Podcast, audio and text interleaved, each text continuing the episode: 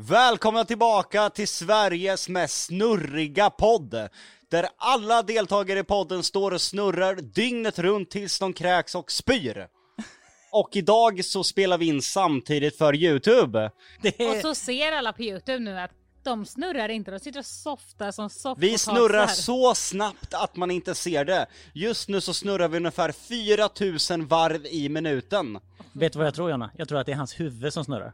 Det snurrar Har du i hans druckit huvud. någonting nu? Jag har druckit jättemycket öl, fyra shots och en halv whiskyflaska. Vad fan har du han börjat med, med Fyllepodden utan oss? Ja, Fy fan vad besviken jag blir. Nej, men eh, välkomna tillbaka. Eh, den här veckan, eh, vi har ett internskämt för er som tittar på Youtube, där vi alltid säger att vi är sämst i världen. Eller i alla fall nästan sämst i världen. Vi, vi kampar alltid med en utvald podd varje vecka. Och den här veckan eh, så ligger vi näst sämst. Det är alltså en eh, podd som kommer från Makedonien. Där det är en äldre man som har ett träben och som sjunger olika sånger, alltså gör om nationalsånger på olika sätt, eh, som öppnar burkar.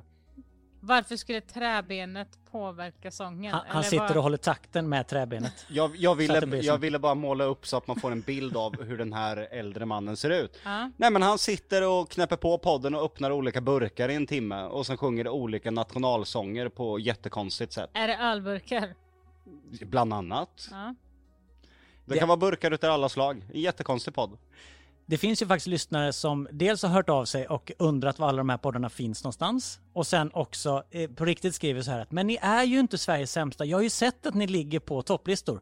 Så alla lyssnare förstår ju inte riktigt ironi. Nej, vi är lite ironiska och skämtsamma. Vi har lite, lite internskämt. Det kan man ju få ha. Ja. Men jag tycker att vi skippar mer reklam för andra poddar och så kör vi igång våran podd idag. Det gör vi.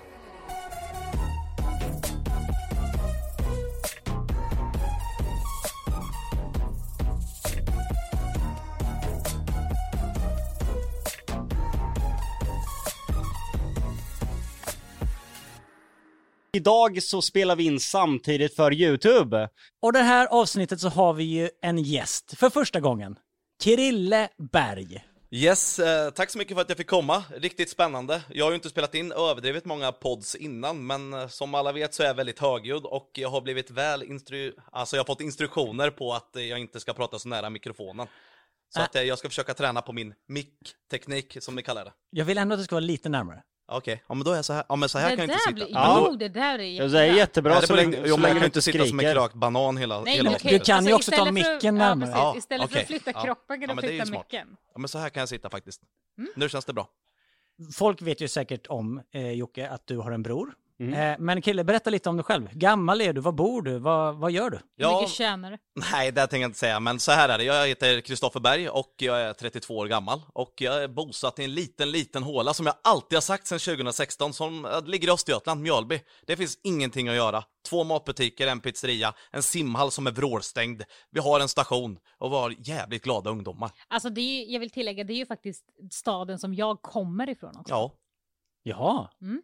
Men ni, kände, ni har inte känt varandra när ni var Nej, alltså yngre? han, han är ju ditflyttad, Ja. vilket ingen smart person gör. Det är ingen som flyttar till Mjölby, Mjölby flyttar man ifrån. Ja men jag är från Vadstena från början, så vad är egentligen bäst? Att sitta i Vadstena där det inte finns någon kollektivtrafik, eller ta sig vidare ut i världen och hamna i mitten av kartan i Östergötland där du kan transportera dig till Stockholm, Göteborg, Nora eller Växjö. Den Ja, är, jag vet, Krille är ju ganska känd för att prata, så jag bryter där och går lite till vad vi ska göra i det här avsnittet. För de som känner till mig vet ju att jag och Krille hade ett eh, enormt eh, bråk på sociala medier. Och det vi ska prata om idag är väl hur bråket kom till och hur vi känner för det idag. Och jag tänkte väl att vi kan lägga in lite, lite videos från just det här bråket för de som inte är så insatta i det. Och för er som då lyssnar på podden så blir det då ljudklipp. Mm kan alltså sätta sig med min mamma, min låtsasfarmor och farfar och min styvpappa då göra en video om hur jag hittar på min barndom. Krille, det du inte tänkte på är att jag har 6000 papper hemma. Jag har redan lagt ut många så folk har faktiskt sett vad ni har gjort emot mig.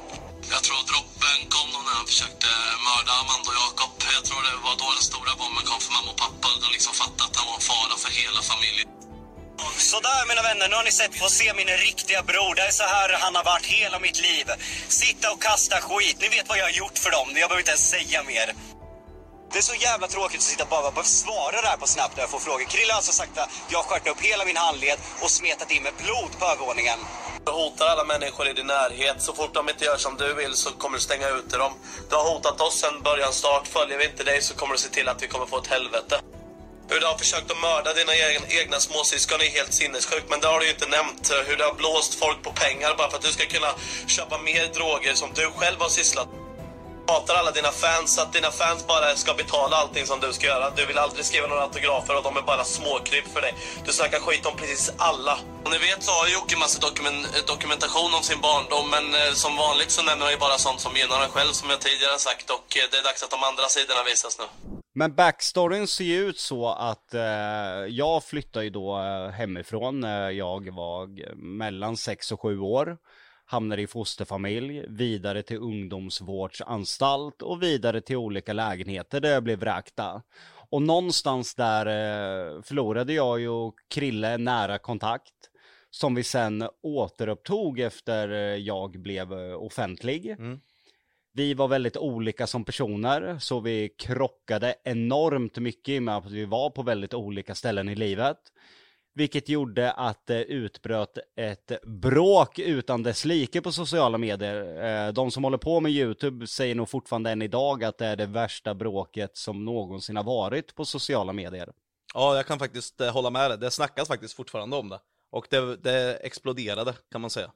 Men berätta då, vad var det det grundade sig i? Jag förmodar att det är eran olika syn på eran uppväxt, eller? Bland annat. Ja, jag, bland annat. eh, jag kan väl börja så kan Krille säga sin version. Ja, ja men det funkar.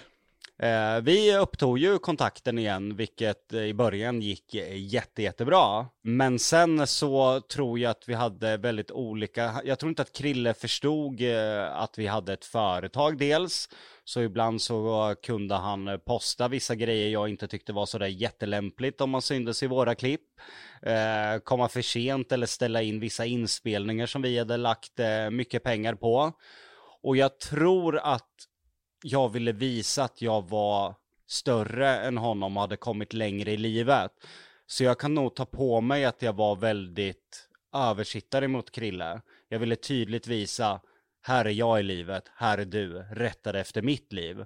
Jag tror att jag bara såg det väldigt mycket från mitt eget håll när, när, jag, när vi tog upp kontakten. Håller du med om det Krille?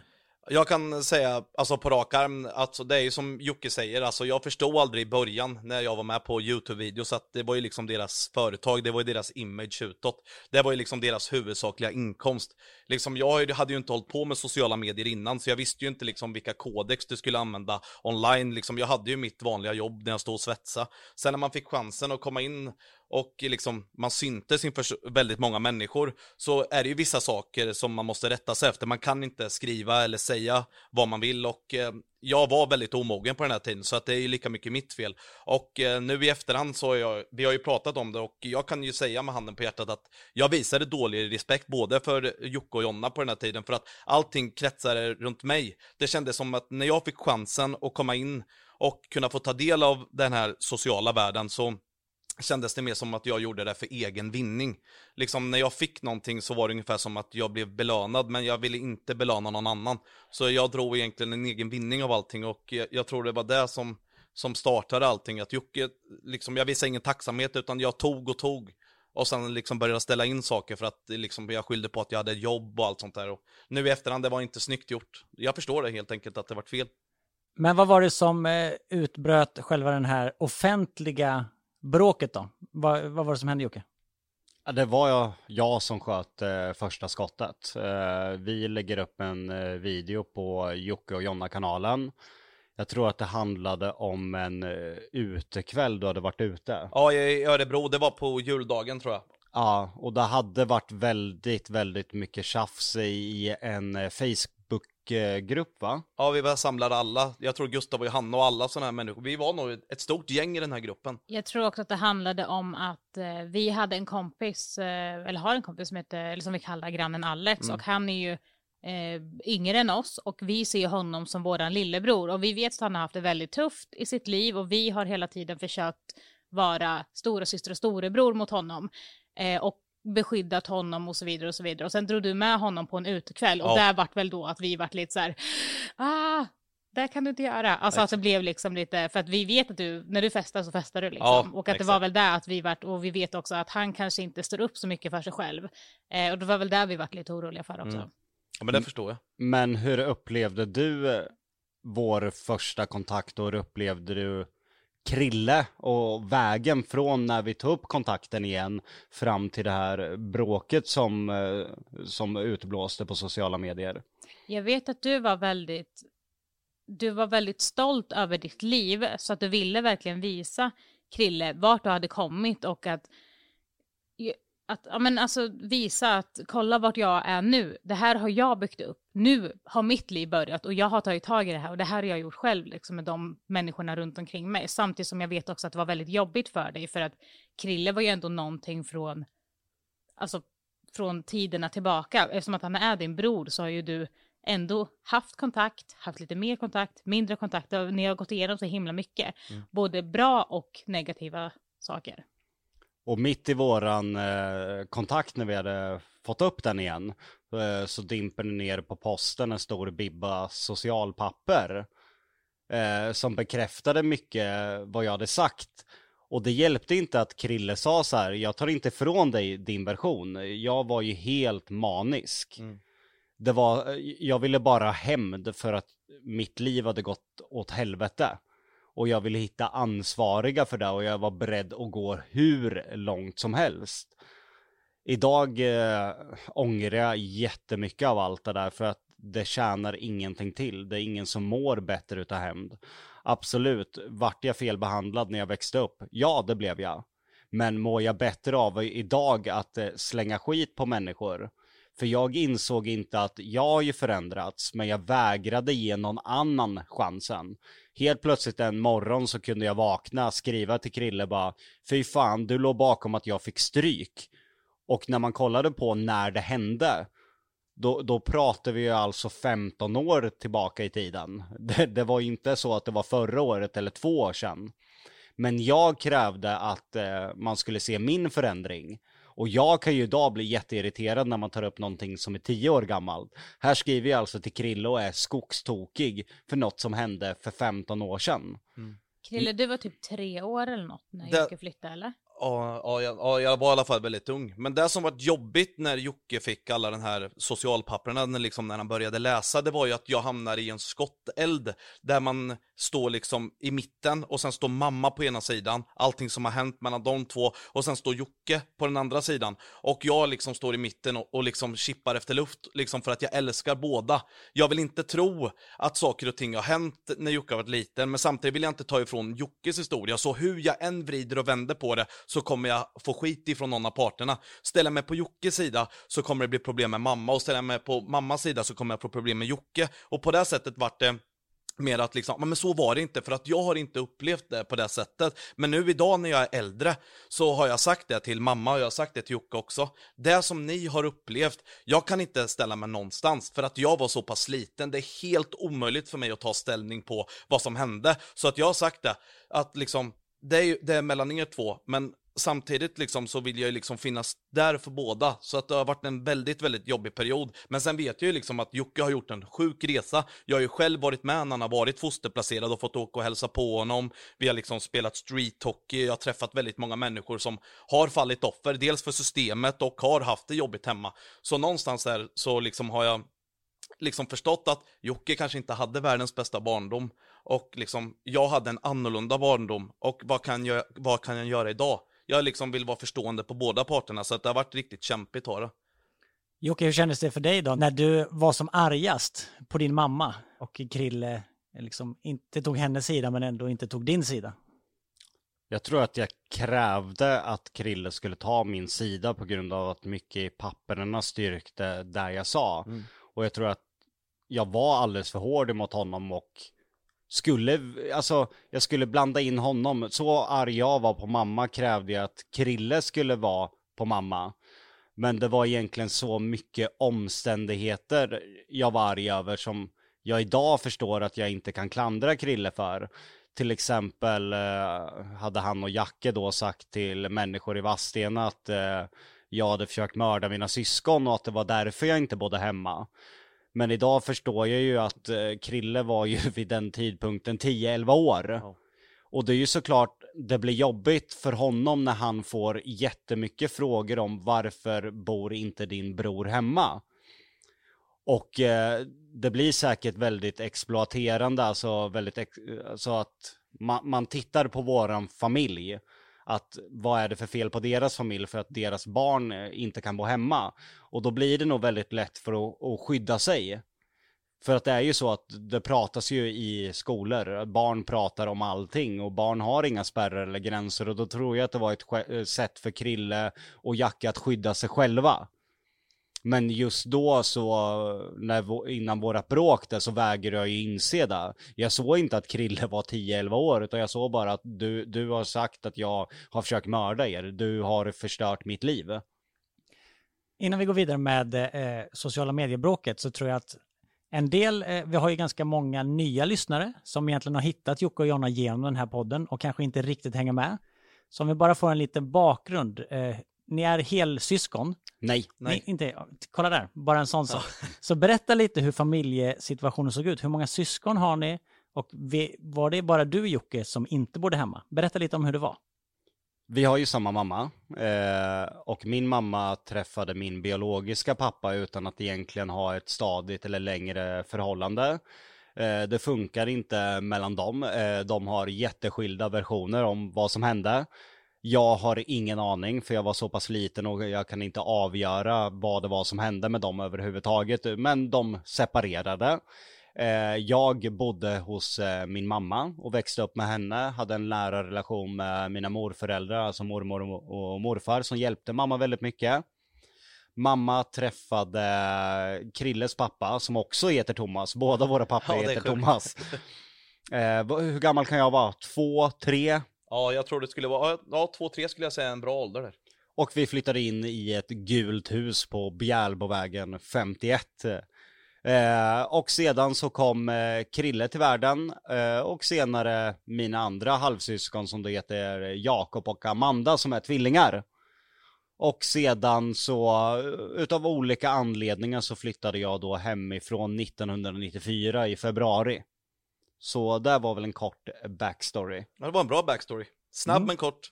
Bra, men då, då har vi lite bakgrund till hur familjesituationen såg ut innan vi hoppar till det här bråket. För du säger att du eh, pulled the trigger, du sköt första skottet Jocke. Det gjorde jag. Och vad var det som var i den videon? För Krille hade varit ute och festat. Vad postade du för video då och vad, vad, vad, vad sa du i den?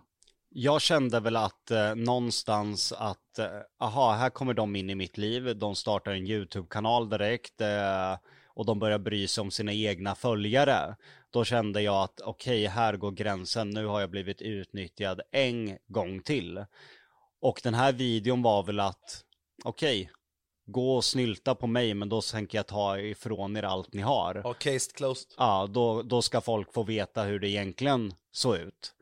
Och det var väl anledningen, hade de inte haft någon YouTube-kanal så hade det nog aldrig hänt det här bråket, utan det var nog att jag kände att okej, nu ska folk leva på mig.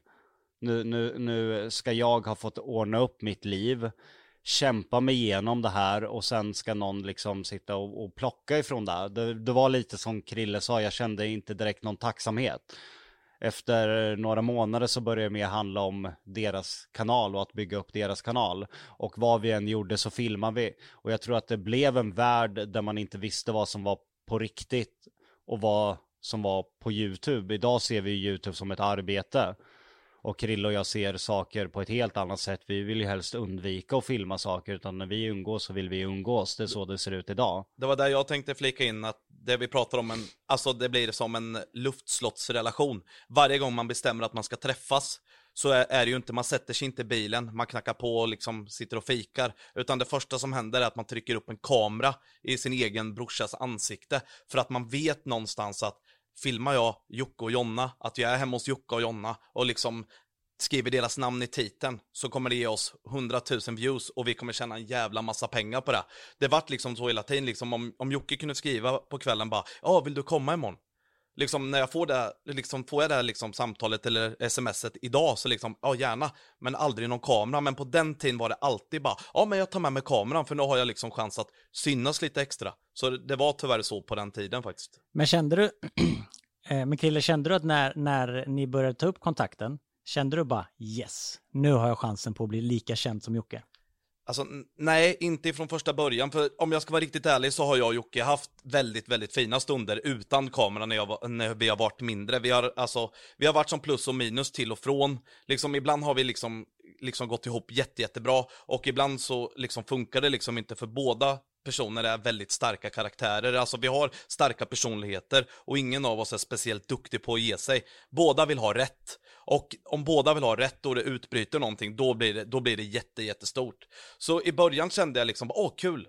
Men sen liksom när man, när man kom dit och liksom Jocke visade upp allting som han hade. Det var kameror, det var datorer, det var liksom evenemang. Det var liksom man kunde gå ut och fika med Jocke och Jonna och se hur många människor som hade fått upp ögonen för dem. Liksom, då vart det som, som alla andra, det blir ungefär som du hänger med, med ett fotbollsproffs. Man vart starstruck av sin egen brorsa.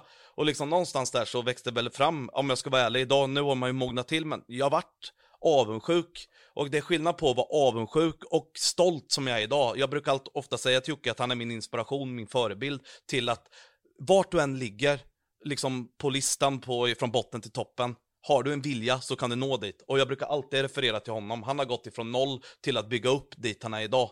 Så det var en jävla skillnad på den tiden mot vad, vart vi är idag. Och jag kan känna igen mig i det där när jag och Jonna började med våra pranks. Det fanns ju inga gränser för vad man kunde utsätta varann för för att jaga de där tittarna. Det skulle ju bara bli värre hela tiden. Ja, man fick ju mer smak av att om man visste så här, okej, ja, men det här var lite tortyr typ. Men det vart så här mycket views. Okej, vi torterar lite mer. Det vart liksom så man visste vad, vad som gick hem och vad som inte gick hem. Hybris är den farligaste drogen. Det är det absolut farligaste. Och det har vi sett på dagens plattform på sociala medier. Är det, ger du en kreatör lillfingret, han kommer klippa hela kroppen direkt och han går över lik. Han skulle sälja familjemedlemmar, vänner, flickvänner, allting för att jaga det där lilla extra. Och det finns väldigt många kreatörer där ute idag som är beredda att gå väldigt, väldigt långt. Ja, vi har ju pratat om det i tidigare avsnitt och det är ju så det ser ut idag som Krille säger att märker någon, okej, det här ger tittare. Då är det som Krille säger, sälj familj, sälj allt. Alltså, allt. Bara för att få den där kicken av bekräftelse. Och ofta så är det ju människor som kanske inte har fått det i sina liv tidigare utan varit uträknade utav samhället. Och då blir det en väldigt så här, istället för att vara ödmjuk inför det, så blir man väldigt översittare och det var jag också förut. Eh, som jag tidigare sa, jag tror inte att Även om jag var snäll mot Krille och Jacke så tror jag att jag väldigt mycket, jag vet inte om du tänkte på det Jonna. Jag vill hela tiden visa dem, på grund av min uppväxt, att ni kan få vara med här, men ni är sämre än mig. Ni tjänar mindre än mig. Ni har mindre följare än mig. Folk tycker mindre om er. Men jag tror det har att göra med att de har ju alltid haft din familj. De har levt med din mamma. De har levt där ni, ni har ändå samma mamma, ni är familj, men ändå så har ni levt så himla olika. Och jag menar att det har ändå varit, ni är fyra syskon, men det är bara ett syskon som inte har bott hemma. Så att jag, jag fattar grejen att du vill visa att ja, trots att jag inte fick vara med i familjen så har jag kommit hit.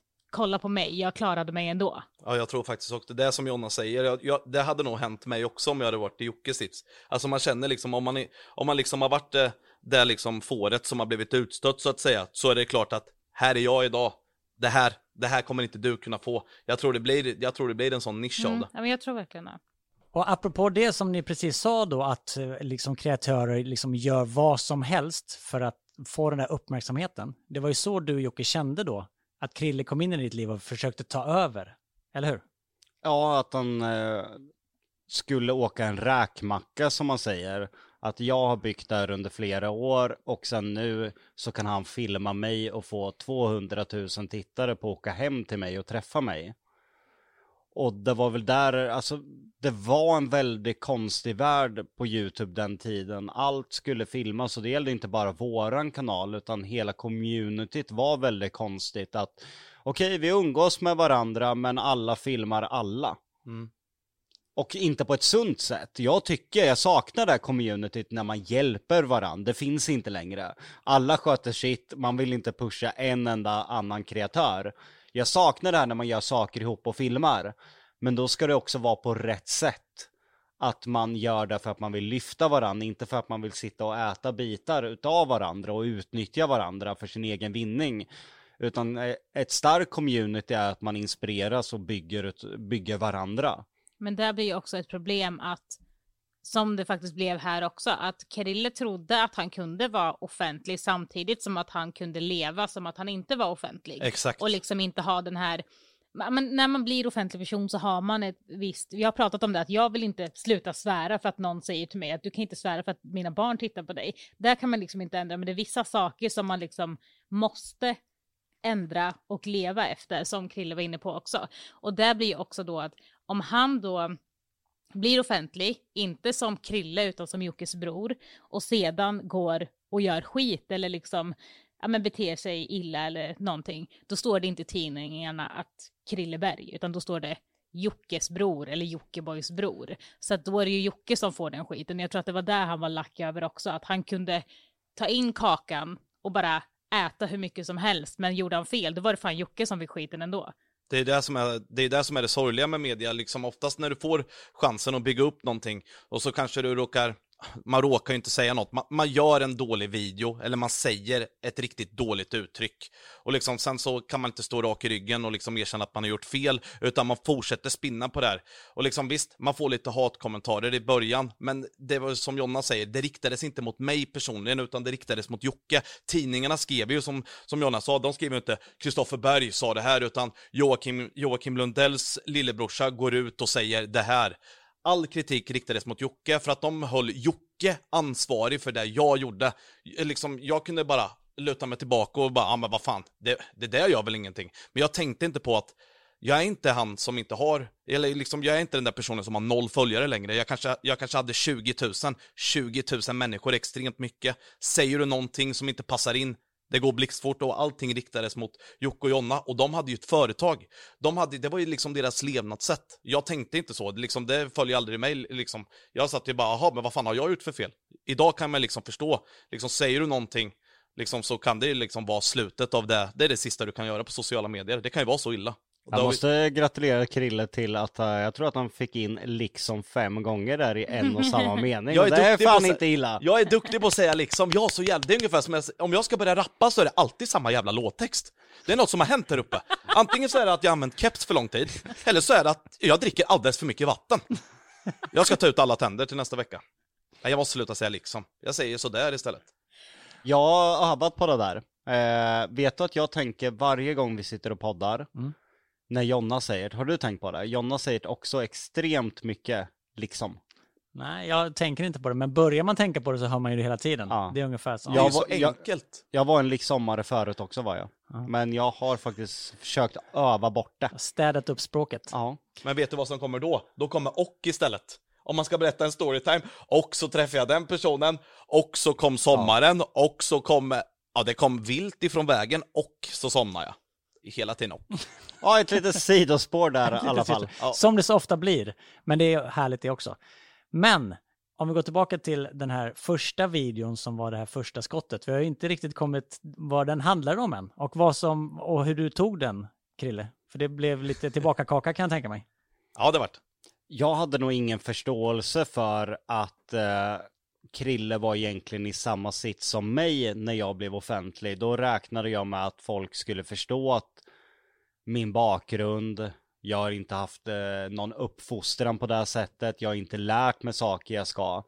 Jag tar alltså in en kille som har växt upp i en småstad med 7000 invånare och sätter honom framför en kamera där alla Sveriges mediehus och tidningar kollar på och tror att han ska följa den eh, moral som anses ska vara på sociala medier. Någonting jag hade fått lära mig under flera år och räknade med att han ska, skulle kunna dagen efter. För oavsett vad folk eh, tror, växer man upp i en småstad, det är en otrolig kontrast i hur man pratar och skämtar emot om man eh, liksom är uppväxt på, nu sa jag liksom, på Djursholm eller i innerstan i Stockholm eller vilken större stad som helst. Det skiljer sig otroligt mycket. Ja, jag och Jonas pratade faktiskt om det här innan du kom Jocke. Att jag berättade att eh, liksom, kommer man från en liten, liten stad som Vadstena så kan man säga vissa saker utan att det blir en reaktion. Hade man sagt samma sak och bott i Stockholm så hade det blivit väldigt, väldigt mycket större. Precis, och det kan ju vara eh, väldigt laddade ord som, som egentligen så här, som kan vara skällsord som man naturligtvis inte ska säga, men som man i sin lilla by kanske säger utan att mena det. Man är kanske inte någon elak person, men man har använt det hela livet och bara för det behöver det inte vara okej, det är inte det jag säger. Men så fort du eh, då, Jocke, satte Krille framför hela svenska folket och han säger en sån sak och sen blir du arg på honom för att han gjorde det utan att egentligen ha lärt honom den vett och etikett som rodde på sociala medier. Det blir en svår situation för båda menar jag. Ja, ja, verkligen. Och eh, ska man gå exakt på problemet så har ju, det tror jag Krill och jag kan vara överens om, även om vi upplevt barndomen väldigt olika, så tror jag att eh, vi är överens om att vi inte haft en politisk eh, korrekt uppväxt. Nej, det har vi absolut inte. Vi har ju inte haft föräldrar som eh, har va- haft ett filter när de pratar. Och då blir det ju att eh, det är så i småstäder, oavsett vad folk säger. Folk som växer upp med föräldrar i småstäder, man pratar på, på ett annat sätt. Speciellt, man kan bara gå till människor som har hantverkare som föräldrar. De är ganska grova i sina skämt. Nu generaliserar vi Nej men det det på det grövsta, men jag förstår vad du menar. Nej men det är så, på ett bygge, det, det är ganska grov jargong och det vet jag själv när vi sitter och har våra renoveringsserie. Jag, Jonny och Roger, alltså vi är brutala i hur vi skämtar med varandra. Det är också någonting vi har valt mellan varandra.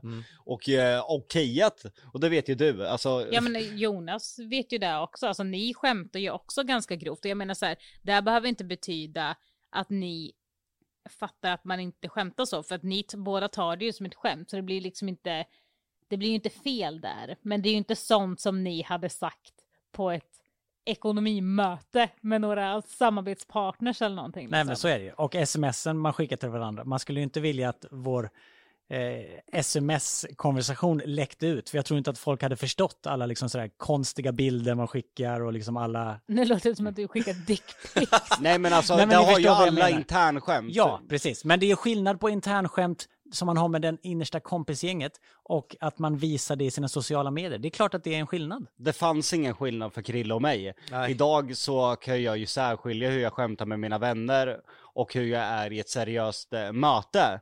Krille och jag var två, jag då hade blivit lite mer, jag skulle inte säga att jag var vuxen då, långt, långt ifrån. Men jag hade lärt mig den första steget utav mognad.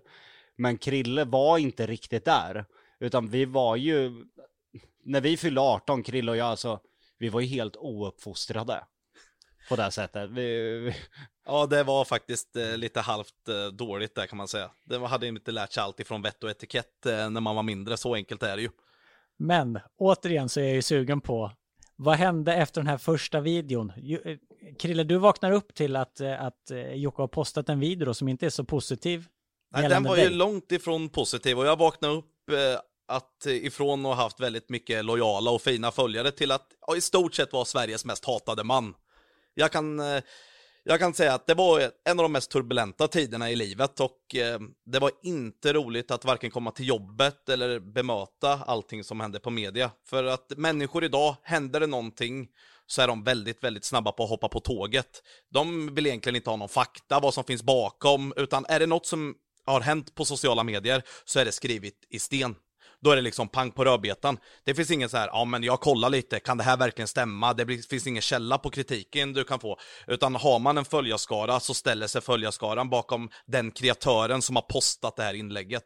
Så att eh, det var blandat. Givetvis så var det ju inte bara negativitet, negativitet men jag skulle nog säga att 80% ja, var negativitet och 20% var väl liksom, det var inte hela världen. Felet med videon var ju att det var mina känslor och mina upplevelser. Idag så är jag starkt emot att om man bråkar med någon, oavsett om det är ett förhållande, vänskap, brorsor, vill man ta det på sociala medier, gör det tillsammans som vi sitter här så att båda får komma till tals. Att posta en video ensidigt utifrån hur man själv har upplevt det, det blir otroligt partiskt för det är nog väldigt få människor som i affekt när man mår dåligt, när man är förbannad, kan inse sina egna fel i det hela. Den här videon som jag och Jonna gjorde var ju helt utelämnat hur vi hade behandlat Krille som inte alltid var sådär jätteschysst. Men eh, där postar vi hur vi såg på saken. Men det var ju kanske inte så Krille sa bara okej, en del av det ni säger, absolut, det känner jag igen mig i och det kan jag be om ursäkt för, men resterande del, så upplevde inte jag det. Precis, och där gjorde du egentligen det som du, alltså som vi har pratat tidigare om i podden, att du inte vill att andra ska göra. Eller hur? Att du, att du i affekt lägger ut en video som du egentligen så här smutskastar, i det här fallet din egen bror. Ja. Eh, Men jag tror det är därför att eh, Jocke är väldigt mycket emot det som om någon gör samma sak idag. För att man måste verkligen tänka efter sig och liksom, är den här videon verkligen genomtänkt?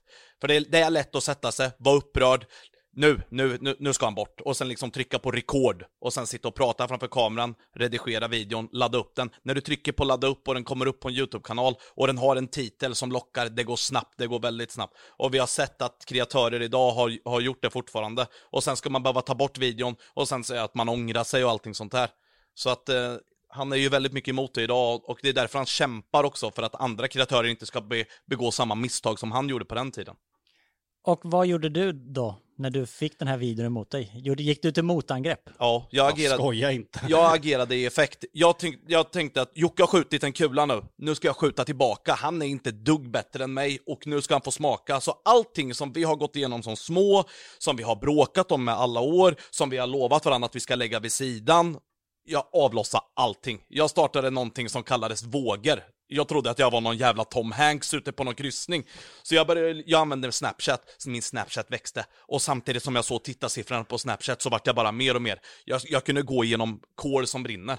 Så jag började med en våg, började posta konversationer från saker och ting som jag skrivit i grupper. Jag liksom läckte saker som hände när vi var små, som jag trodde hade hänt, som egentligen inte ens stämde. Och sen så satte jag datum på, nästa våg kommer då. Och när jag postade det här så märkte Jocke att det var negativt igen mot honom. Så att han, vi postade ju vidare mot varandra hela tiden, så det vart ju aldrig någon bättring egentligen. Det var katastrof, Ingen riktig, ville ge sig. riktig katastrof. Det blev ett, ett, eh, sociala medier-krig helt enkelt. Jag flyttade ifrån Mjölby till Karlskoga, för jag vågade inte vara hemma. För jag fick ju folk som kom hem till min adress och knackade på dörren, det kom stenar och allting. Jag tänkte, jag måste vara någonstans. Så vi bodde faktiskt hos eh, Julias eh, mormor och morfar ett tag, ute på skogen. De, hade, de du- hade täckning där ute. Du var tvungen att fly helt enkelt. Ja, jag kände det. Det var bäst så. Jonna, hur upplever du den här, den tiden? Jag kommer ihåg att eh, Jocke var jätte, jätte upprörd. Och Jag tror att det handlade om att det var inte just någonting som hade hänt då, utan att det var så himla mycket och det var de här alla papperna i hans liv. Det var så mycket han gick igenom i huvudet att allting kom på en och samma gång och det blev så himla mycket känslor och sen var det att ja men Krille hade så himla kul där på hans vinning och han kunde gå dit och dit och dit och nu kunde han få saker gratis fast det var liksom på Jockes bekostnad och han kunde göra ja, men, dumma saker som ändå var på Jockes bekostnad också. Så jag kommer ihåg att Jocke var så jävla arg och bara vi måste spela in en video, vi måste spela in en video. Jag sa nej, vi ska inte spela in en video, du är skitarg nu och det här är ingen bra idé. Eh, och han fortsatte och fortsatte och jag sa kan du bara prata med honom eller kan du bara andas, kan du bara låta det här lägga sig? Men han var jättearg jätte och då gjorde han mig arg för att jag var arg på båda för att de var för att de gjorde så här mot varandra liksom. Och då var det bara så här, okej, vi spelar in den där jävla videon så är det bra sen. Ungefär så. Men det blev inte bra. Nej, det vart ju inte. Men jag trodde typ inte att det skulle bli bra samtidigt som jag bara så här, får, får det bara att ta slut, skärp er liksom. Varför kände du att du ville ha med Jonna i de här? Var det lite som en täckmantel att hon också inte gillade Krille eller? Ja, Hon hatade Krille på den här Ja, det gjorde du Ja. faktiskt på den Ja. tiden. Han var så jävla högljudd, han var så jävla mycket. Det var, åh gud, jag, men, Fast det är han ju nu också. nej, Han, Det nej, nej, nej, nu. nej, han är inte det. Alltså, nu älskar jag Krille. Alltså, det är liksom, jag längtar tills han och hans familj kommer hem till oss. För att jag tycker att det är så kul, det är så mysigt, vi har det jätte, jättebra nu. Vi har Ja, verkligen har vi faktiskt. superbra relationer. Men då var det verkligen bara så här. Okej, Krille kommer. Eh, ska jag vara hemma eller ska jag inte vara hemma? Alltså, Respektlös ansåg det väl honom vara, att han inte hade någon respekt för att han var i någon annans hem. ja. Väldigt mycket. Och om du är mycket nu så är det ju alltså. Du har ju taggat ner med 90 procent. Ja, det kan man säga. Men det var ju, fick jag en inbjudan så kom jag ofta hem och var väldigt högljudd och eh, jag såg ju att Jonna inte, gäng, hon tyckte ju inte om att jag var där. Det kunde ju faktiskt, jag kunde se det ibland. Men eh, jag körde ju alltid på samma jargong. Jag tänkte ju liksom, jag gör inget fel utan jag tågade bara på och eh, det vart mycket negativitet tyvärr. Och vad hände då med ert krig? Ni postade varannan video där ni snackar skit om varandra helt enkelt. Så trappades det upp, så trappades det upp. Och Man, man kan säga att vi flyttade kriget ifrån YouTube till Snapchat. Ja. Det gjorde vi faktiskt. Eh, Jag gav upp kriget kommer jag ihåg, för jag sa till Jonna att eh, det går inte att kriga mot honom för att han ser det som att han inte har någonting att förlora. Jag har någonting att förlora. Så jag kommer aldrig kunna vinna det här och det står jag fast vid än idag. Det går aldrig att kriga emot en person som inte har någonting att förlora. Det, it's impossible. Han hade ju sitt jobb och allting och jag hade ju liksom, jag hade mitt jobb på liksom Toyota där jag stod och svetsade men jag hade ju liksom inget annat så jag ville ju bara köra fullt ut. Så någonstans där väckte, väckte han ett odjur istället till mig och det vart ju bara negativitet. Så jag fortsätter det här tåget, trots att vårat bråk la sig så vart jag en person som jag till slut inte kände igen. Jag började posta eh, alltså negati negativitet om andra människor, jag gick på olika grupper, jag, jag gjorde bara videos som spred negativitet och lyckades bygga ett varumärke på ett negativt sätt som jag idag liksom ser tillbaka och bara, vad, vad var det som hände? Har jag varit så här? Har jag sagt det här? Har jag lagt ut det här? Men idag, man mognar ju med tiden. Men det här, det här bevisar egentligen bara vad vi har varit inne på väldigt mycket i podden. Att liksom, nu har vi pratat om kanske yngre killar mellan 8 och 12 som liksom i princip gör allting för att bli kända. De skriver otroligt vidriga saker på nätet och hoppar på kvinnor och är liksom sådär. Allting i jakten på likes egentligen. Och du var ju precis så, Ja. Krille, eller hur? Du, och det är en lärdom till egentligen alla som lyssnar, att även om man liksom är men du hade ju ett vanligt jobb, du var ju liksom så här, Jag hade inget att förlora på internet. Internet var bara en lekplats för mig. precis. I, idag ser jag det inte så. På internet, jag såg inte att, att youtubers, att det var ett riktigt jobb. Jag såg inte att gör du samarbeten så tjänar du pengar. Utan jag såg bara de här likesen, de här kommentarerna. Jag ville bara fortsätta kriga. Någonstans där tappade jag bort mig själv. Jag, jag, jag kände liksom att? Jag har ju börjat, jag kan inte bara sluta nu. För slutar jag så kommer jag tappa följare på Instagram. Slutar jag så kommer folk tro att ja, men han är en pussy, han har lagt sig. Så det fortsätter, negativiteten eh, liksom fortsatte hela, hela tiden. Tills jag till slut hamnade någonstans. Jag, kan inte, jag kommer inte ihåg när vändningen kom, men jag lärde mig. Och jag bara, jag måste bygga om, vill jag hålla på med sociala medier så måste jag mediaträna. Jag måste göra content som, som inte bara handlar om att sprida negativ energi, utan skapa något eget. Jag tror ju inte att vi hade varit så nära idag om det inte det här hade hänt. Absolut inte. Nej, jag tror att det var det som fick oss eh, att se varandra. Att, att förstå varandra. Att eh, inte se bara utifrån sig själv. Och just det bråket med Krille, det som gav mig lärdom egentligen för allting i livet. Att sluta se saker från sin egen vinkel, att tänka i affekt. Jag upprörde så synd om mig, alla har gjort det fel emot mig. Utan att se, vad kunde jag gjort bättre? Har jag någon delaktighet i det här? För du, som jag tidigare sagt, man är alltid partisk mot sina egna känslor. Blir du osams med en kompis, ja då kommer du alltid se att det är kompisens fel, för du kommer bara se kompisens handlingar och vad den har gjort, inte dina egna handlingar. Så då fick jag en insikt för hur Krille kände, hur jag hade betett mig mot honom. Och då kunde man helt plötsligt mötas på ett helt annat plan. Och Krille började förstå mig, hur den skada det gjorde för mig är allt jag hade kämpat för. Jag brukar faktiskt säga det när vi pratar med varandra, att vårat bråk, det, det låter hemskt att säga det, men det är bland det bästa som har hänt mig egentligen. För att vi har kommit varandra så nära. Tänk dig allt groll, alla missuppfattningar, allting försvann i den laddningen. Och vi började om från början, vi började träffas utan kameror. Eh, Jocke fick Luna Bell, jag kom nära Jonna, jag kom nära Daniel. Allt vart helt annorlunda. Och jag som person växte, jag mognade. Jag, jag såg liksom, det här är en relation som jag vill ha resten av livet. Jag älskar den här familjen. Jag måste ta tillvara, det här är min familj. liksom, är det någon som, något som är viktigt i ens liv så är det att kämpa för människor man älskar och det har jag lärt mig. Och eh, idag är jag väldigt tacksam liksom, vi kan prata om allt. Jag vet att han har väldigt mycket att göra och jag känner liksom när det är dags att låta Jocke andas lite för att det är väldigt mycket som händer i hans liv. Men han förstår det och eh, han säger, ja men vi pratar om ett tag, vi kanske pratar om efter ett par dagar igen. Men idag har ju vår relation väldigt, väldigt fin skulle jag säga.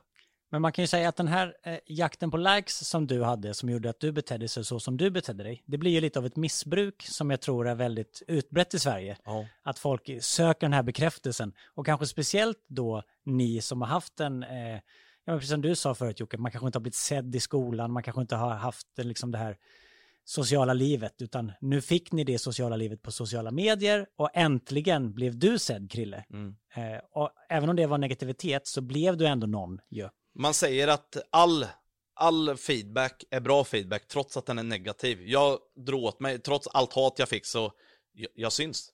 Jag, kom, jag kanske en dag kanske det ser annorlunda ut. Jag fortsatte bara. Men hur kom du ur det nästan missbruket, eller den här, den här eh, otroliga jakten på likes? När, eh, när Jocke öppnade sin arm och sa att eh, han ville lösa allting, det var på en valborg tror jag. Eh, eh, Jocke ringde och eh, jag och Jacke åkte in dit. Vi hade en jättetrevlig kväll med Daniel alla. Vi var ute och festade och allting och vi pratade igenom allting. Jag kommer ihåg att vi satt, jag tror det var i ditt datarum vi satt, Ja. och pratade igenom allting som hänt och det träffade hjärtat. På, alltså för första gången i mitt liv så kändes det som, det här är real deal, det här är äkta. Så vi fortsatte bygga relationen därifrån. Jag skulle väl inte säga att det vart som en blomodling, att allting vart bra direkt. Vi hade lång väg att gå, men någonstans där så liksom sådde vi ett frö som idag har blivit en trädgård skulle jag vilja säga, lite ironiskt nog. Och ja, man, man fortsatte bygga relationen och, och all den här negati negativiteten jag haft mot olika människor och sånt, liksom den växte bort och man körde sitt eget race och idag ser, ja, idag sitter man när man sitter liksom. Jag tror att vi pratar om hur vi kände i det samtalet istället för vad vi var arga för. Eh, Jag pratade inte utifrån min ilska för min barndom utan mer hur jag mådde utan att blanda in andra människor. Så här känner jag för det. Krille berättar så här känner han. Och då lyssnar vi för första gången hur man själv mådde utav saker före du har gjort det här. Och jag tror att det är viktigt att säga jag känner så här när du gör så här före du är skitdålig som gör så här. Jag tror att man får ett helt annat eh, samtal då. Sen måste jag bara inflika, jag hatar när människor säger fel saker. Inte ironiskt nog, metaforiskt nog. Okej, metaforiskt nog. Som sagt, jag måste mediaträna mer. Jag kollar ju bara i en webbcam och pratar i mick. Det är svårt, jag kan inte svenska språket. Ett frö som blev en trädgård, ironiskt nog. Metaforiskt Ja, nog. metaforiskt nog. Men varför kände du Jocke att du ville sträcka ut en hand den valborgsmässoaftonen som du gjorde? Var du trött på skiten? Jag slutade vara arg och Ja, men det är lätt att säga att bara sluta vara är. Hur kom det sig att du kom till den punkten? Jag var bara trött på att gå omkring och vara arg på människor hela dagarna som har gjort fel i mitt liv. Eh, alltså det där åt upp mig totalt. Jag mådde inte bättre. Eh, jag skulle släppa en eh, självbiografi, jag släppte den. Mådde inte särskilt bättre utav det, fast jag fick berätta vad jag varit med om. Jag insåg att eh, hur mycket jag än bygger ilska och hämnd emot människor så kommer inte det förändra vad det var som hände. Och jag märkte hur jag slutade. Jag gick emot allt vad jag stod för. Jag stod för att man skulle få en andra chans. Men mamma, hon skulle inte få någon andra chans. Krille skulle inte få någon andra chans. Amanda och Jacke skulle inte få någon annan chans. Och det, det går ju emot allting som jag stod för. Jag blev egentligen där jag kämpade emot. Jag tror att Jonna kommer ihåg, jag gick upp och var, jag var arg när jag vaknade och arg när jag skulle kriga mot socialen. Jag skulle hitta varenda jävel som har gjort fel. Jag letade upp människor på Facebook.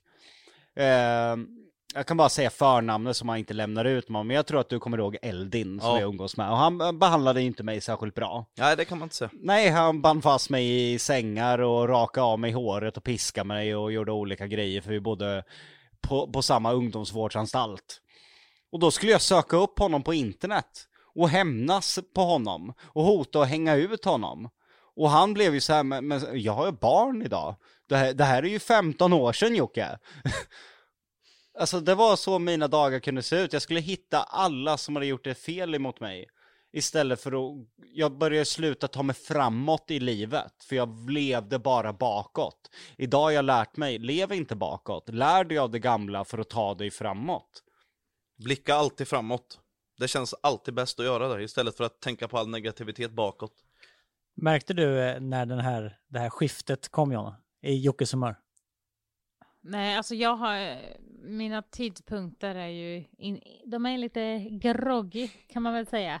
Men, eh, Men du minns när jag låg läste pappen och hittade en Ja, ja. ny grej, en ny grej, Exakt. en ny grej. men jag tror som sagt, för att försvara dig, att det är för att det blev ditt liv då. Jag tror att vem som helst som hade fått liksom papper som är ett x antal år gamla som man typ har, man kommer inte riktigt ihåg det, men när man ser allt svart på vitt och bara kan läsa sin livshistoria, då tror jag att det blir att det är väldigt svårt att ta sig ur det. Och saker man kanske inte ens kommer ihåg eller har vetat om, om man går igenom det så blir man ju kanske väldigt ledsen. Jag själv hade nog inte klarat av att läsa min livshistoria, så jag fattar ju att det... Att Nej, det är blir värsta så- som har hänt mig. Ja, Jag Eh, jag mig trodde det. då att det var det bästa som hade hänt mig att få de där papperna. Men eh, idag inser jag att det var fan det sämsta som någonsin kunde hända. Men önskar du att du inte har läst dina egna såspapper? Ja, alla dagar i veckan, för det spelar ingen roll. Okej, jag blev utsatt för saker när jag var liten. Men, men jag kan inte förändra det. Vad, vad, vad spelar det för roll? Vad spelar det för roll om alla vet vad jag blev utsatt för? Vad spelar det för roll om alla misstror mig eller tror mig? Det är fortfarande mina egna upplevelser, de går inte att göra ogjorda. Alltså, jag är ju den jag är idag på grund av det som har hänt. Att sitta och läsa ur ett papper hur saker ska vara, det gör ju att du bygger saker på ett väldigt ensidigt sätt. För att de där papperna är ju utdrag ifrån ja, en mening som egentligen är en hel vecka. Det finns inga omständigheter i papperna. Det är utelämnat. Och okej, jag, jag, jag hade ingen förståelse heller för jag vet ju själv, alla människor när man mår dåligt kanske man inte agerar som man gör. Jag hade ingen förståelse för att mamma inte alltid har mått bra. Att mycket av så som hon har behandlat mig är att hon har mått dåligt. Jag, jag, jag, jag, jag tappade helt förståelse för andra människor. Jag, jag läste bara i de där papperna, den har gjort det, den har sagt det, den ljög om det här. Sen såg jag ingenting mer. Jag vet ju vad som hände med mig när jag var Jockiboi. Hur jag behandlade andra, hur, hur jag agerade för att jag själv mådde dåligt. Men jag hade ingen förståelse för att mamma kanske gjorde det. Vill du ha kontakt, eller har du kontakt med din mamma idag? Nej, jag har fortfarande ingen kontakt med henne, men jag är absolut inte arg, inte det minsta överhuvudtaget. Och ett tag som jag sa till Jonna bara, får vi barn, hon kommer aldrig få träffa min mamma. Och det är fan bland det sjukaste jag har sagt. men jag var ju emot det. Ja, du sa ju faktiskt åt mig då, och det, idag kan jag tycka det är helt sinnessjukt hur jag ens uttalade de orden. Vem är jag att ta ifrån Luna Bell sina släktingar för att jag har dåliga minnen utav det? Och att döma mamma till att vara samma person 30 år senare. Idag är det liksom 30 år snart sedan jag flyttade hemifrån den där februari. Och då ska Luna Bell inte få träffa henne på grund av det. Alltså det är helt tappat enligt mig idag. Men Krille, du har kontakt med era mamma. Jag har väldigt bra kontakt både med mamma och pappa. Vi pratar i stort sett varje dag. Och jag ska faktiskt avslöja att eh, jag brukar faktiskt lämna information om Luna Bell och Lionel och hur Jocke och Jonna mår till mamma för att eh, mamma frågar faktiskt ganska mycket om dem. Och, och jag förstår att det är en tuff, alltså att det är en tuff, lång väg att gå. Och Jocke, ibland liksom, så frågar han saker om mamma också. Och då kan det vara så att jag pratar med mamma på kvällen och, och säger Jocke undrar det här och man hör att mamma blir glad men som sagt, det, det är väldigt svårt och jag vet inte hur, hur båda skulle se och träffa varandra. Och jag vill egentligen inte, jag, jag står ju som sagt i mitten, jag vill inte lägga mig, men jag tror att någon gång i framtiden så tror jag faktiskt att ni kanske kommer, kommer kunna bygga en fin relation ändå. För båda har mognat, mamma har väl förstått till del att vissa saker som, som Jocke har velat ha bekräftelse på har kanske varit på det här sättet och eh, jag känner liksom att någonstans så kommer de säkert kunna mötas i framtiden. Men jag har god kontakt med båda. Mamma är ju extremt, det tror jag Krille kan hålla med om, det är den konflikträddaste människan som existerar. Mamma hoppar gärna när det händer någonting kan jag säga. Och hon skyller alltid på någonting för att kunna dra sig undan. Så det brukar vara pappa som får steppa in och ta över istället. Men det, det låter ju lite som du Jocke. Ja, som sagt var, alltså vi är mer lika egentligen i beteendet, eh, jag och mamma. Sen kanske jag har tränat bort mycket av de grejerna. Mamma tränar inte så mycket på det där.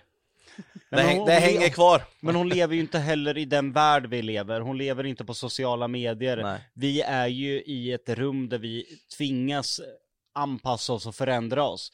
Vi är ju i en kollektiv uppfostring, kan, kan vi hålla med om det? Vi, Ja. vi blir ju kollektivt uppfostrade, du på jobbet, du hemma med alla människor. Mamma träffar inte den typen av människor för att mamma jobbar ju inte heller hon, utan hon är ju sjukskriven. Ja, hon är sjukpensionär. Hon är sjukpensionär. Så hon får ju inte den kollektiva uppfostringen. Där kan jag förstå idag. Hade mamma varit på en arbetsplats, hade mamma haft ett eget företag, då hade hon blivit kollektivt uppfostrad och förmodligen förändrats år för år eller till och med månad för månad. Där kan jag faktiskt instämma. Den sociala biten blir ju lite lidande om man är sjukpensionär och inte träffar en väldigt alltså, stor grupp människor, utan det är ju oftast familjen som man träffar om man är sjukpensionär. Ja, till exempel mormor, hon hade ju ingen aning om att man inte fick säga n-ordet längre. För att hon är ju inte på sociala medier eller läser tidningen på det sättet. Så det, det var ju en chock, kommer du ihåg för mormor när jag sa det där får du inte säga Nej, längre. mormor, det har jag alltid sagt. Ja, men säg inte det när någon hör. Och det, det finns ju ingen rasism i mormor utan eh, överhuvudtaget. Utan det, det är ju en gammal människa som säger saker hon alltid har sagt. Det har hängt med i årtionden kan man säga. Ja, det är så det är och det var lite det vi var inne på förut. Mm. Hur folk kanske främst i småstäder, eh, givetvis också i storstäder, men att man kanske inte riktigt ja, hänger med där. Om man inte är på sociala medier eller som sagt läser tidningar eller vad man nu gör. Ja, exakt. Jocke, känner du att du skulle, skulle du vilja sträcka ut en hand till din mamma eller vill du vänta på att hon ska göra det? Eller hur? Ser du liksom, är det en relation som du liksom vill jaga eller känner du att det får komma om det kommer? Det får komma om det kommer. Ett tag var jag så här, ska vi ha kontakt, då ska du be om ursäkt. Nu känner jag, det spelar, det spelar ingen roll. För jag vet att mamma är lika stenhuvud som mig och Krille när det gäller att be om ursäkt alltså.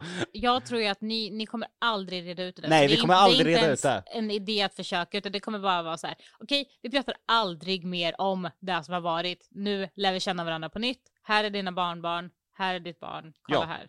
För det Jag- spelar ju ingen roll Jag tror det heller. blir Nej. sämre om man ska hålla på och älta om jag Ja. ska vara riktigt ärlig. Alltså, det är bättre att vi lämnar det där bakom oss och blickar framåt istället. För idag ser ju, alltså allt är ju annorlunda idag. Vi tittar, tänk positivt. Det snöar kanske imorgon. Nej, det gör det ju Nej, inte. det Men. hoppas jag inte. Nej, det är ju sommar nu. Men Nej, hur, men, det är hur, som Jonna säger, älta det, det är skräp alltså. hur ser er eh, relation ut då? Ja, den är bra brorsan. Det är faktiskt Kan jag låna jättefint. 200 000? Nej. Men den är, den är faktiskt eh, jättefin. Krille är en av få människor jag kan skriva vad som helst till och jag kan berätta vad som helst för. Det finns inte som hade, när vi hade kontakt första gången, bara ah, det här kan jag inte skriva för då kommer han lägga ut det på sociala medier när vi blir osams. Jag vet att Krille aldrig kommer göra det igen. Aldrig någonsin. Och- Och jag är väldigt tacksam att du känner så. Och blir vi osams då kommer vi att lösa det privat men vi är typ aldrig osams för vi är extremt lyhörda för hur vi mår och ser varandra, vart är vi i livet. Eh, man, man ifrågasätter inte varandra heller. Så säger Krille, ja men eh, jag kan inte, skriver inte jag på en vecka, då kollar faktiskt eh, Krille så här, har det hänt Jocke någonting? Okej, det har hänt Jocke någonting, okej jag backar lite. Vi har en väldigt förståelse och respekt för varandra så vi hamnar inte i de där situationerna igen. Jag håller med. Det känns konstigt att säga det, men man känner när, när man liksom ska vara lite på back-off. Liksom, ser jag att eh, han har postat mycket, han sitter och pratar på storyn, då vet jag nu har han det tufft och då ska inte jag sitta och tjata och jag kanske får vänta lite med att fråga om vi kan komma. Och jag vet ju att Jocke är en sån människa, han är väldigt känslomässigt styrd. Så bestämmer man till exempel på en lördag att vi ska komma klockan ett, så jag brukar säga det till Julia, det är inte fullt bestämt än, för man får tänka på att Jocke har väldigt mycket i sitt liv och det kan vara så att han styr av det. Så att eh, gör han det, så rycker jag på axlarna och säger brorsan, vi tar det nästa helg. Istället för att bara, men vad fan du lovade att jag skulle få komma ju, jag vill ju komma nu. Liksom, Man, man känner så, och jag är väldigt tacksam att, att vi känner av sättet som vi har till varandra. Och jag förstår att han har ett annat jobb också. Det gjorde jag inte på den tiden, utan jag tog, men ta ledigt då. Nu har du ju sagt att du ska vara med på en inspelning. Mm. Och han bara, ja, men jag kan inte ta ledigt nu, då kanske jag får sparken. Ja men du får fan ta ledigt nu. Ja, nu får det fan vara så. Ja, kostar, det. kostar ju oss pengar. Nej, ja då får du stå för de pengarna. Alltså det, det, det var tjafs om minsta lilla grej. Man skulle liksom, varje liten grej bråka om så mycket det bara gick. Och jag är väldigt glad för att alla de här inspelningarna som har gjort typ The Ring och såna här saker, man har nästan alltid fått en förfrågan. Och jag har alltid sagt till Jocke att jag ska kolla på det om, om jag kan vara med och han är alltid förstående. Förr i tiden så är det som Jocke säger, ja, kan du komma på det där? Jag kan nog inte, ja men se till att lösa det. Jag har ju som sagt ett vanligt jobb. Men eh, alltså förståelsen för varandra, den, den finns verkligen där. Och det känns riktigt gött. Hur reagerade du när du såg Jockes eh, mentala ohälsa-video på YouTube? Jag kan säga att eh, det var väldigt tufft att se och jag skrev faktiskt eh, till Jocke direkt efter att jag sett videon. Alltså, jag har väldigt svårt att titta på sådana där videos för att eh, någonstans där så kan jag känna smärtan. Och eh, jag är en sån människa som alltid är framåt, jag har väldigt mycket energi och jag älskar liksom när livet flyter. Så jag försöker aldrig tänka på något, på något negativt. Alla säger ofta till mig bara, men du är jämt glad och allting. Det är för att jag hatar att tänka på negati- negativitet och sen såg jag att Jocke postade videon och jag blir ju mest, jag blir jätte, jätteledsen när man ser att de träffar inte Jocke utan de träffar, de träffar när de skriver om Jocke och Jonas barn. Det liksom, det går rakt in i hjärtat och förr i tiden skulle jag nog inte kunna förstå det men jag är själv pappa idag och jag har själv mottagit när folk har skrivit saker om Chloe. Så jag, jag kan nästan känna liksom när Jocke sitter där och man ser liksom att det, man vill liksom, det är förtvivlan. Den, jag sa det till Julia, den här videon är riktigt svår. Jag hade tårar i ögonen när jag kollade på videon och det var därför jag skrev till dig. Liksom att jag, jag vill finnas där. Liksom, behöver du hjälp med någonting så, så gör jag vad som helst. Ja, Jag tror att Krille var en av få som visste läget. Jag är otroligt glad faktiskt att jag har en bror som delvis jobbar med sociala medier. För att han vet om vad som händer och han har koll på vad som händer. Många andra vänner som kanske inte följer, som inte har någon aning om, när jag säger så här, den här kanalen har jag gjort en video med, vad är det, vad är det för kanal? Krille vet ju direkt för att han är i surret och det, det känns väldigt skönt att ha någon där som bara, brorsan jag såg det här, hur mår du? Det, det gör kanske inte de andra vännerna för de har ingen aning om att den där videon har hänt. Krille har snappat upp den för att det, det är i hans flöde för att han jobbar med det. Och det känns otroligt skönt för att Jonna gör inte alltid hon rör sig inte på samma sätt på sociala medier, hon rör sig på ett helt annat sätt och jag vill inte dra in Jonna i de grejerna. Och då känns det skönt att ha för Daniel, han har också ingen, ibland inte den blekaste liksom, för att det, det är ingenting han skulle kolla på. Jag tror att eh, det är lättare för dig att prata om de sakerna med Krille än med mig. För att jag vet inte vilka de youtuberna eller de personerna som gör de där videorna är. Jag vet inte hur jag ska kunna söka upp dem. Jag vet inte vad det är de har lagt upp eftersom att det inte når mig. Så jag tror att det blir jobbigt för dig när det redan är jobbigt att den videon finns. Att du ska behöva förklara, "Ja, men det här är en youtuber eller en person som har startat en kanal nu och den har gjort det här och det här och det här. Och den personen är den och den och den. Alltså jag tror att det blir mer jobbigt medan Krille kanske bara redan vet vem den personen är för att han är som sagt i surret. Och att han kanske har sett videon själv och då kan prata med dig medan du behöver förklara och gå den långa vägen med mig. Så att jag tror att Krille kan finnas där för dig på ett helt annat sätt än vad jag kan. Sen är jag väldigt stolt över Krille. Jag tror att det finns väldigt många människor idag som ser Krille för vad han, hur han uttryckte sig på sociala medier för två, tre år sedan. Eh, jag tror att det är väldigt få av de människorna som faktiskt eh, skulle kunna erkänna att Krille har gjort en ganska stor resa. Jag tror att det är bara de som följer Krille ganska intensivt som skulle kunna se det och jag tycker det blir så fel när man hugger och hackar på de människorna som gör fel och sen kan man inte Säger man något dåliga saker om människor så måste man också kunna säga de positiva, så brukar jag alltid säga. Och jag är otroligt glad över, och jag tar inte att någon säger att Krille är dålig idag. För de känner för det första inte honom. Och den resa han har gjort, absolut, han är, han är ganska filterlös och det kommer han alltid vara. Men man måste också ta att Krille skämtar på ett ganska grovt plan. Jag har väldigt grov humor. Ja, men jag skulle inte säga Krille är problematisk idag. Där kanske han var förut på sättet han uttryckte sig. Att det faktiskt gjorde att eh, klimatet på internet blev eh, dåligt. Att han faktiskt var en dålig förebild. Men det är han inte idag. Han är en fantastisk pappa, han är en fantastisk bror och han är eh, en fantastisk vän också. Jag tycker att människor måste verkligen, för vissa kommer fortfarande än idag bara, hur kan du umgås med din bror? Han sa det här. Jag bara, men det var ju ta mig fan 2017, driver du med mig? Jag såg Ja, faktiskt... men jag, och jag följer inte honom idag. Ja. Nej men håll då käften! Har inte du sett vad han har gjort på fyra år? Håll då käften! Det där, jag fattar inte heller det där. Det kan ju fortfarande folk som skriver bara Ja men eh, tänker du, alltså du är pappa nu, skäms du inte att du är pappa, du har gjort det här? Jag bara, det var 2017, det är 2021 nu. Du kanske borde kolla mina videos. Varför skulle jag stödja en sån som dig? Du har världens sämsta åsikter. Som sagt, tider förändras, människor förändras. Jag vet att jag har gjort fel. Kan jag inte få en, kan inte, kan jag inte få en chans att liksom visa att jag är en annan människa då? Om du har ju fortfarande grov humor. Jag kommer alltid ha en grov humor, jag kommer alltid vara filterlös. Dock så skulle jag väl säga själv att jag har blivit mycket, mycket bättre på att tvätta bort det absolut grövsta och sen skapa något kanske lite mer humoristiskt av det hela. Ja, det håller jag med om. Ja. Det är egentligen exakt, ni har, ni har ju gjort exakt samma resa.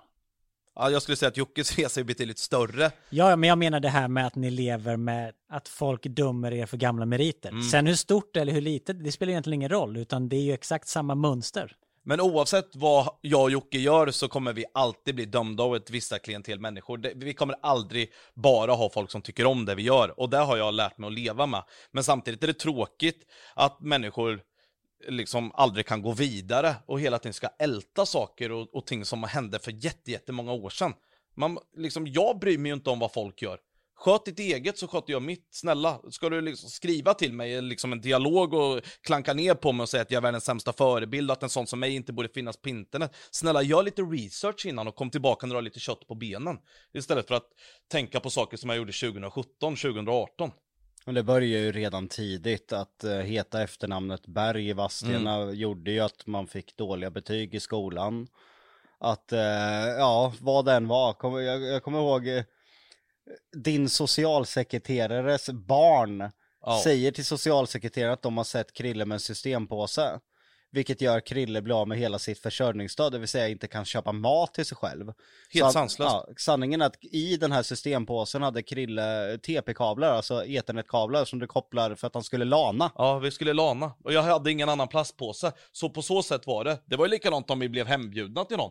Vadå, ska de komma hem till oss? De är ju värsta tattarna. Man bara, liksom ni känner ju inte oss. Nej men vi har hört det. I Vadstena räcker det med att du nyser så vet ju hela stan det. Och då blir det, det kan vara en negativ nys. Det är oftast inte en positiv nys ifrån Vadstena. Det kan jag ju säga direkt. Ifall, I alla fall inte en positiv nys från familjen Berg. Nej, tyvärr. Det har man ju hört. Det är jävla tur att man nyser sällan. Nej. Nej, men det, var, det är en tuff stad att växa upp Ja. i för att Vadstena är väldigt, ska visa sig otroligt fina. Det ska vara en, en eh, kulturell stad med jättemycket historia. Jag tror att det är ganska hög förmögenhet. Människor som bor i Vadstena har översnittet i förmögenhet. Det är mycket bönder och sådana människor som har liksom lyckats bygga upp stora företag. Ja, och, och jag tror att kommunen är ganska rik i sig också. Jag har för mig att de köpte några jävla gatubrunnar. Så alltså det var, kostade hutlösa summor. Ja. Så att vara en familj, vi fick ju problem ekonomiskt i vår familj. Eh, mamma sjukpensionär, Ja. eh, Krilles pappa fick vara ledig väldigt mycket för att ta hand om familjen, vilket gjorde att vi inte kunde bo kvar i huset. Yes. Och förflytta till lägenhet och redan där började ju snacket. Och då tuggas det på. Ja, då fick inte vi vara med.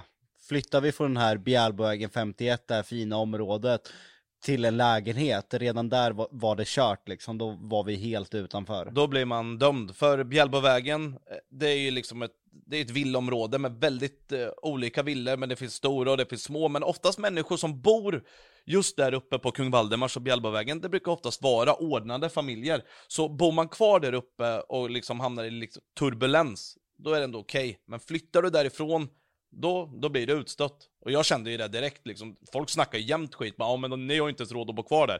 Liksom som ungdom, det var ju inte roligt att höra. Så man frågar ju mamma och pappa bara, är vi fattiga nu?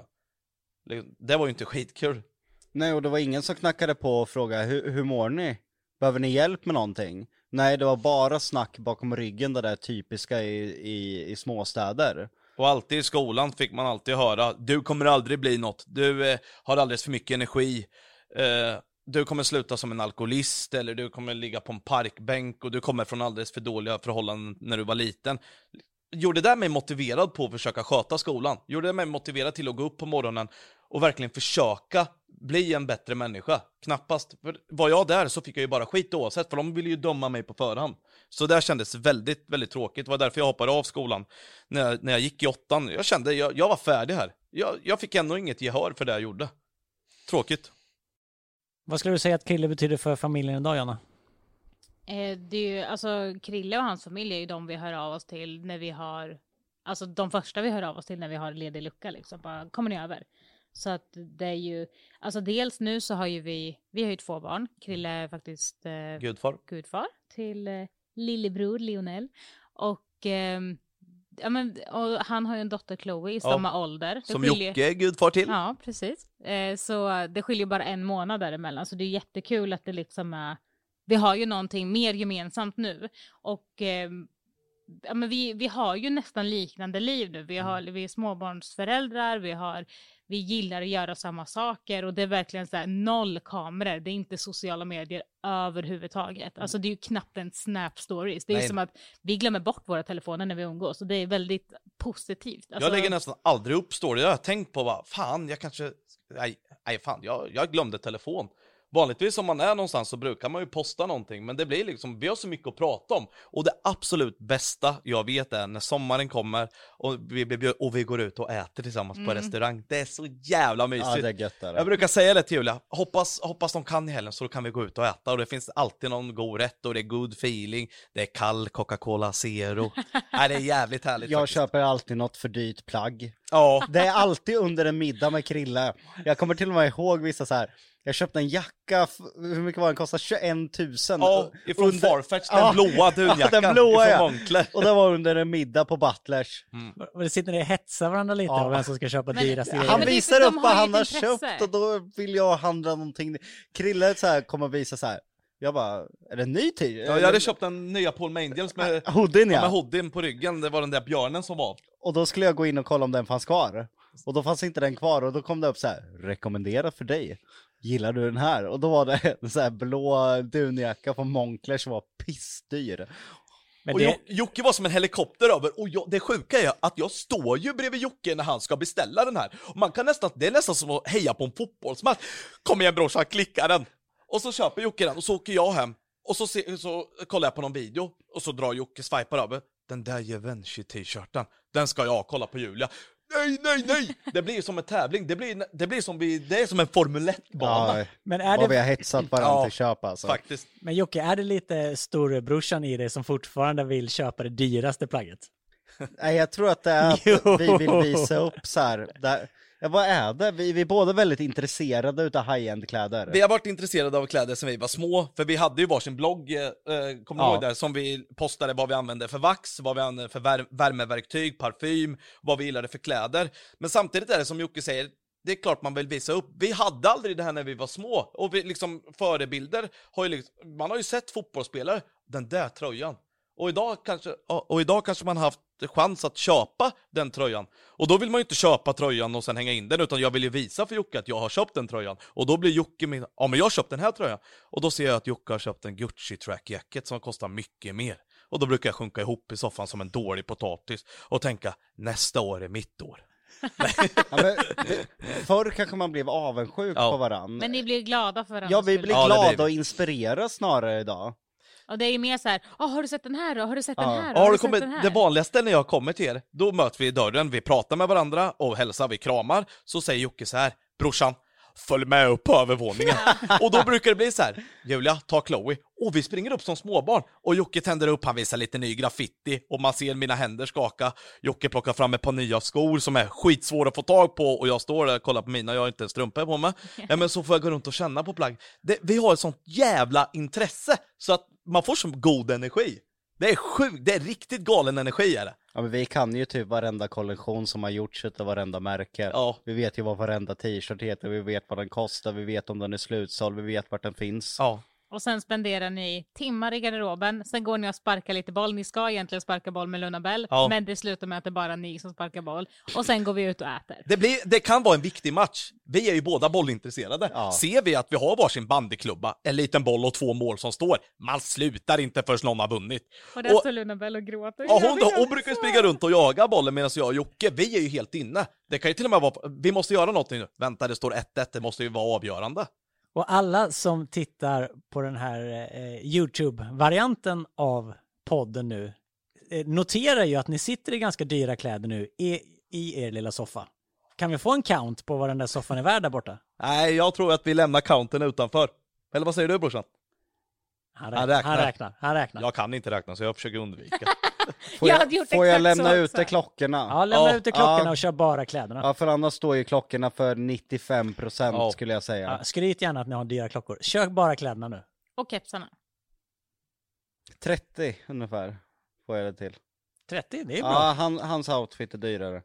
Oh, Ja, lillebrorsan men jag har, vinner tjock, idag. jag har Ja. tjocktröja på mig. Nej, Den, dina shorts är dyrare än mina också. ja, det kanske de är. Fast du har, du har slippers på dig. Ja, de räknar jag fan inte in. Jag Det där, är ju, jag det där är ju 2000 minst. Ja, ja. Det är ja, det. det är fan knappt ens det. Ja, det- 1 och 7 tror jag. de kostar. 1699 sätter vi på de här. Ja, vi sätter det. Det, är, Det blir ett bra det är pris. enkla så. Men kul att ni har det gemensamma intresset ändå, även om det är väldigt eh, dyrt. Alla har det, det är ungefär som att gilla dataspel. Alla har ett intresse. Och det är väldigt svårt att tvätta bort ett intresse. Jag skiter fullständigt i om det är dyrt eller inte, utan jag handlar för att jag älskar kläder, jag är modemedveten. Det handlar inte om vad det kostar, utan det handlar om känslan. Och jag försöker alltid säga det, "Ja, du har ju på dig den där tröjan för att visa att du kan. Jag har på mig den här tröjan för att jag älskar att den här tröjan är just den tröjan. Inte vad den kostar, jag hade köpt den om den kostar 15 spänn med. Sen driver det ju en framåt. Ja, det gör ju det. Det är motivation, en motivationsboost. Det är, tyvärr så är det ju, det är ju en motivationsboost. Folk säger så här, hur mycket pengar hade du om du inte hade köpt det där? Då hade jag förmodligen jobbat bra mycket mindre för att jag inte har motivationen liksom. Och så hade du förmodligen lagt de pengarna på något annat Ja, skit något som du inte ens annat hade skräp. kunnat tjäna någonting på. Det får man ju alltid höra, om vi köp något vettigt. Men all, vad är vettigt för dig brukar jag säga då? "Och Jag hade köpt en bil, jag hatar ju bilar. Jag vill, ha, jag vill kunna ta mig från punkt A till punkt B.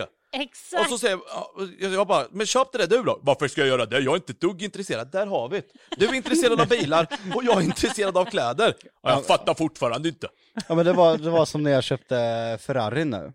Du borde ha köpt, vissa, borde ha köpt en McLaren. Jaha, varför då? Nej men den är mycket snyggare.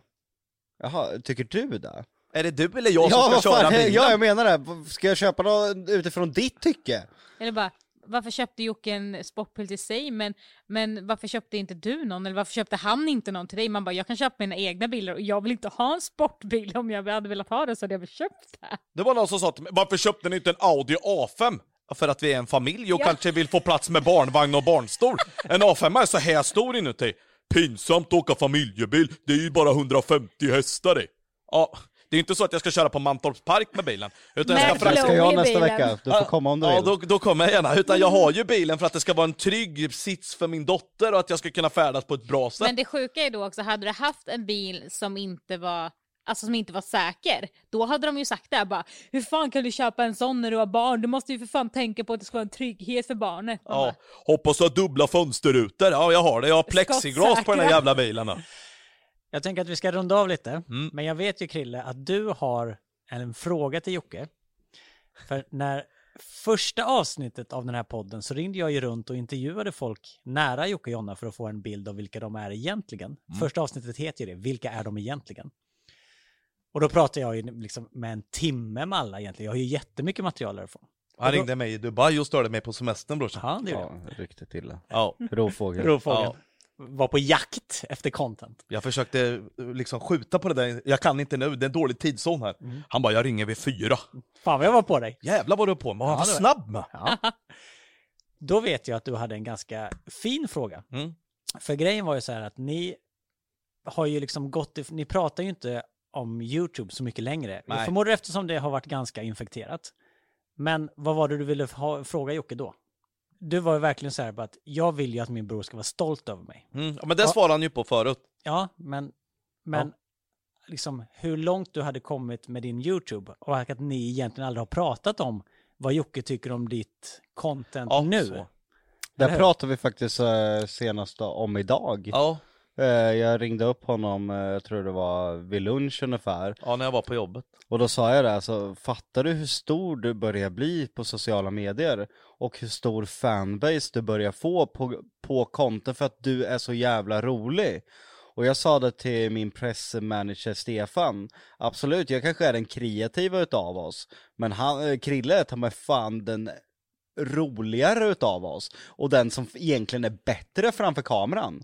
Kolla bara i The Ring, alltså det vart allas favorit. Det var faktiskt riktigt roligt. Jag måste bara dra en line där. När du ska upp på skateboarden och bara Men vad fan den här skateboarden är ju för fan min, mindre än en jävla prickig korvmacka. Man bara Jävlar vad liten den Hur var. kan du ens man, Hur kan du ens komma på allt det där så snabbt? Det är så sjukt. Det bästa är att du är dig själv Krille, för du är så himla fin.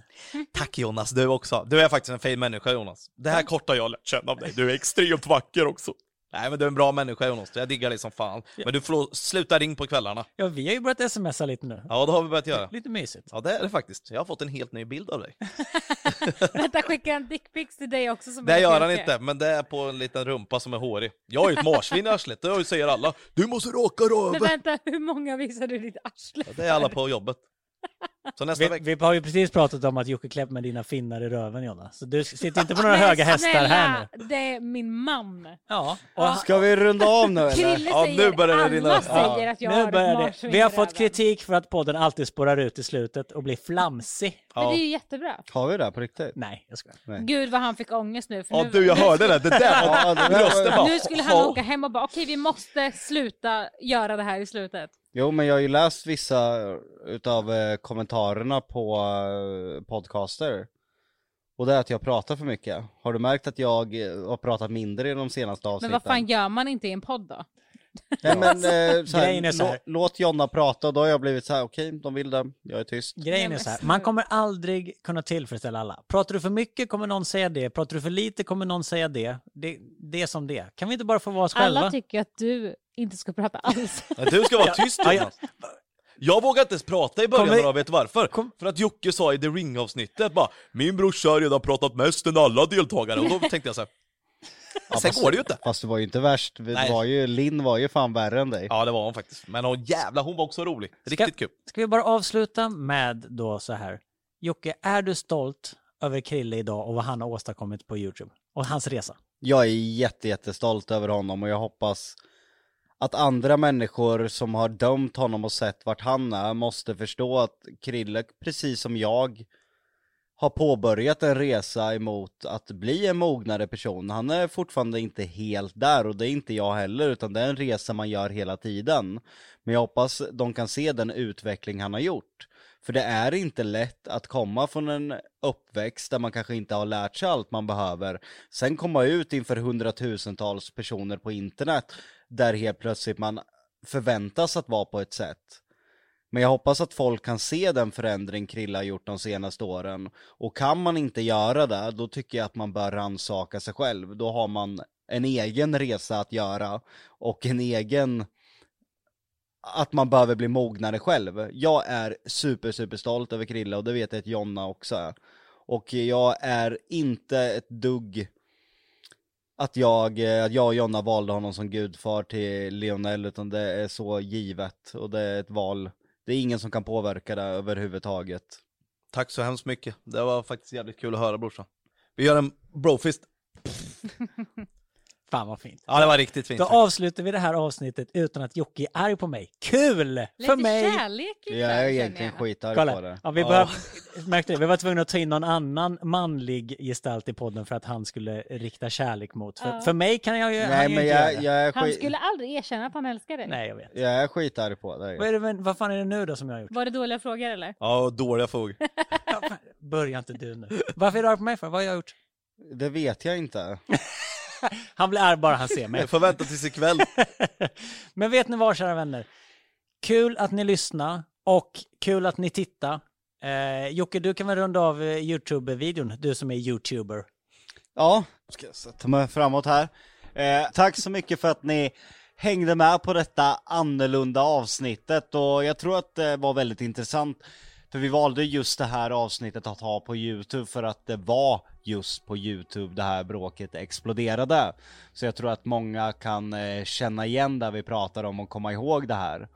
Eh, och jag hoppas att ni uppskattade det. Eh, kanske händer i framtiden igen att vi har ett avsnitt live. Vi får se. Och som eh, vanligt så fortsätter podden även om det bara var ett instick här på Youtube. Så släpper vi eh, en podd varje vecka. Och den finns där poddar finns. Precis. Och, Och, ni, var finns poddar då? Ja, de finns ju där poddar finns. Kan du eh, förklara? Var finns poddar? Podcaster. Finns det något mer? Spotify? Spotify, iTunes, det är samma skit. Det, poddar finns det, poddar finns. Ja, Det poddar gör finns de. det, poddar finns. Bra kille. Jag länkar i beskrivningen. Ska du säga hej då också eller? Ja, det, det kan du få göra, för du har inte pratat så mycket. Precis, utan- och nu kommer Jocke få skit för att han har pratat hela Ja. avsnittet. Så nu kör vi 20 Ja. minuter avslutning med Jonna. Ja. Okej. Hej då. Men nu slutar ju... Nu blir det ju... Det, Hej då!